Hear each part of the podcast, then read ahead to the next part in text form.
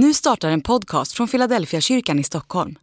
Om du vill komma i kontakt med oss, skriv gärna ett mejl till hejfiladelfiakyrkan.se. Dag 61. Se Guds lamm.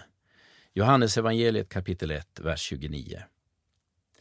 Är Jesu död en rättegång, en återbetalning eller ett brott? Det finns bibelord som talar om att man skulle kunna se Jesu lidande och död som ett ställföreträdande lidande. Jesus tar straffet för våra synder och vi får frihet i utbyte. Det finns också bibelord som talar om Jesu död som en betalning eller en gottgörelse. Jesus betalar tillbaka den skuld som vi har förorsakat. Jag vill väcka en ny tanke. Tänk dig att Jesu död är just vad den verkar att vara. Ett brott. Jesus blir utsatt för våra synder. Hans lidande och död synliggör synden som brott emot Gud. I så fall befinner vi oss just nu i tiden mellan brottet och domen.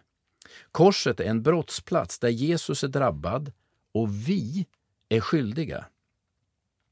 Det är ännu tid att göra upp med den som drabbats av vår synd nämligen Jesus. Han har i sitt lidande och i sin död förklarat att han inte ställer människorna till svars för deras brott, utan vill att en försoning ska ske.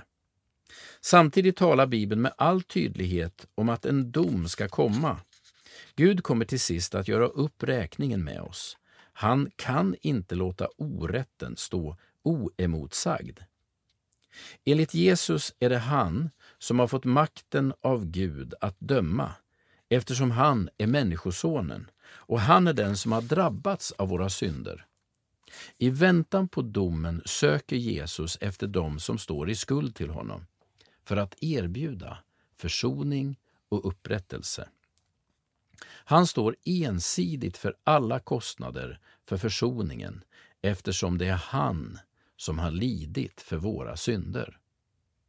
Andlig övning. Jesus har drabbats av din synd. Det är budskapet om hans död.